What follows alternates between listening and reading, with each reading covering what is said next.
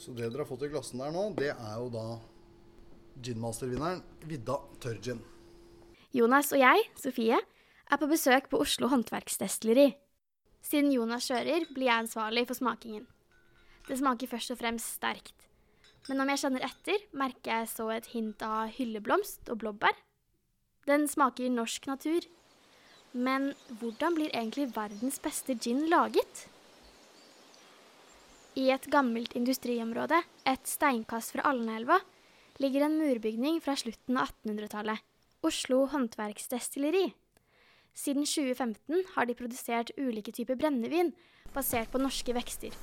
I sommer ble ginen til Fredrik, Matt, Espen og Grim med navn Vidda kåret til verdens beste under den prestisjetunge konkurransen The Gin Masters i England. Så det vi f.eks. bruker, er jo da Selvfølgelig så er det mye einebær.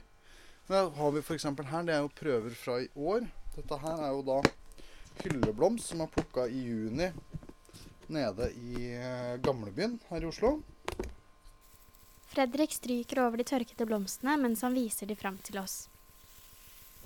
Så den er jo da med på å kunne gi håper selvfølgelig sånne florale blomstersmaker. Men den gir også sånn smaker når destillerer den av pære og lyche.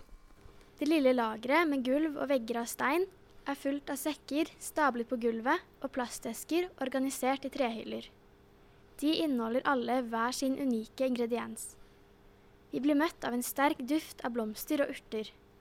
Markedssjef Fredrik Dahl forklarer om de ulike plantenes rolle i destilleringen. En eh, kvannplante. Altså dette er destillatørens salt. Denne gjør at både forsterker smakene og gjør også at den binder seg til destillering. Så når store gin-boomen var i Storbritannia på 1700-1800-tallet, så kom all kvann der fra Norge. Det er en av de ytterst få plantene som man har klart å dokumentere som har oppstått i Norden, men så spredd seg til resten av, eh, av Europa. Så i all destillering så må du ha den. Det viktigste er at den skal smake som en klassisk gin, men samtidig skal den jo smake av Norge. Men den skal jo være stedstypisk. Den skal liksom smake som man ikke kunne komme fra noe annet sted enn Norge. Det er liksom det vi vil oppnå med, med gin. Skal vi gå inn og se på destilleringsapparatet? Destilleringsapparatet er plassert midt på gulvet i det største rommet i bygningen. Solen skinner inn gjennom vinduene og reflekteres i det sølv- og kobberfargede destilleriet. Det er høyt under taket, og langs veggene er det stablet tanker med ferdig destillert brennevin. Det du ser på utsiden her, som er i børsta stål, det er jo da dette her som er vannbadet, som gjør at du varmer opp. Så hvis vi da f.eks. skal eh, destillere vidda, så begynner vi jo dagen i forveien. Så fyller vi da einebærene inni selve dette her som heter pottstillen. Som er opp denne løkformete det som man, Når man tenker på destilleringsapparat, så er det jo dette her sånn. Sammen med det som er røtter og mjødurten. Det går inni her sånn. For du ser Under her så har vi jo tre store tanker. I den første jo det, går jo det som heter hode. Det er det første som kommer ut når du destillerer. Det er jo de giftige alkoholene, altså sånn som metanol. Det som gjør deg blind, det kommer ut først. Så det vil vi selvfølgelig ikke ha med. Så drar vi da, når, vi funnet, når Matt, destillatøren vår, har funnet at nå har vi kommet til eh, riktig sted å bytte, så drar han i spakene der sånn. Så går vi over til den midterste tanken, og det er jo da hjertet av destilleringen. Det er jo det vi vil ha. Det er jo det som ender i, i flaska. Så etter hvert så vil du f.eks. få toner av litt brent gummi, og da har vi kommet til halen.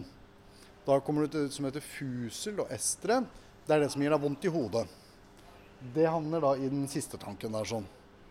Så er det det som er i midten der sånn. Da har vi et høykonsentrert brennevin på 85-86 Som da er jo det som skal endes i flaska. Men altså, det er jo både for høyt i alkohol, som må tilsettes vann, men det er da også for sterkt i smak. Så det blir også tilsatt litt grann helt nøytralt brennevin. Så da de Det som starta som 650 liter, blir 310-320 liter ca. der sånn. Blir da blandet ut til å bli da ca. 2000 liter med ferdig flasket vidda. Glassflaskene sendes på et samlebånd der de blir forseglet og får på etikett. Enkelte brennevinstyper lagres på fat i flere måneder før de flaskes. I en smal, kort gang ved siden av destilleringsapparatet står flere store tretønner plassert utover det røde murgulvet. Så det som vi ser på her, er jo da rødvinsfat fra Saint-Melot i Bordeaux.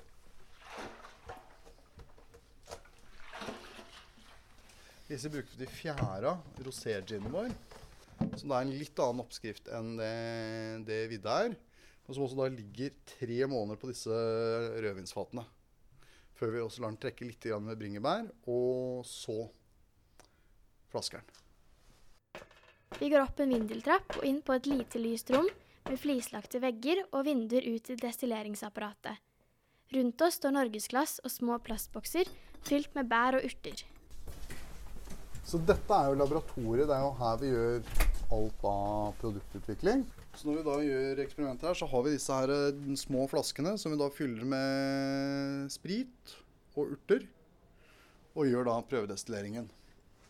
Så du ser rundt her både i skap og esker og overalt så er det jo fullt av sånne halvfulle flasker.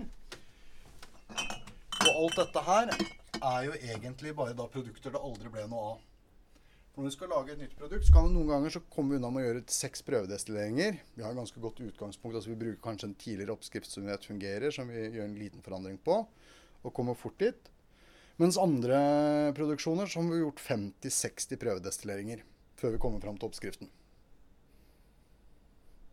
Så det her er på en måte bare en miniatyrprosess av uh, det som skjer der nede, da? Det er det, for her ser du på disse, alle disse norgesklassene, så har vi jo da de samme vekstene som du så nede. Men da i, i mindre for. Så her skal det kanskje bare være en liten teskje oppi, oppi av hver. For å komme fram til den perfekte oppskriften kreves det først en god del prøving og feiling. For å si det sånn, Jeg har smakt den absolutt første batchen som ble destillert av Vidda. Det var før destilleriet var ferdig. Den smaker hoggorm og kruttlapp, altså. Det, ikke, det, det, var ikke noe verdensmester eh, vi, vi, hadde der. Men det er fortsatt de samme ingrediensene som vi bruker i dag. Men nå har vi jo både forandret på mengdeforhold og også på teknikk. Så det har vært hele fortløpende. Så det er først nå, egentlig det siste året, vi liksom har holdt 100% på, på oppskriften.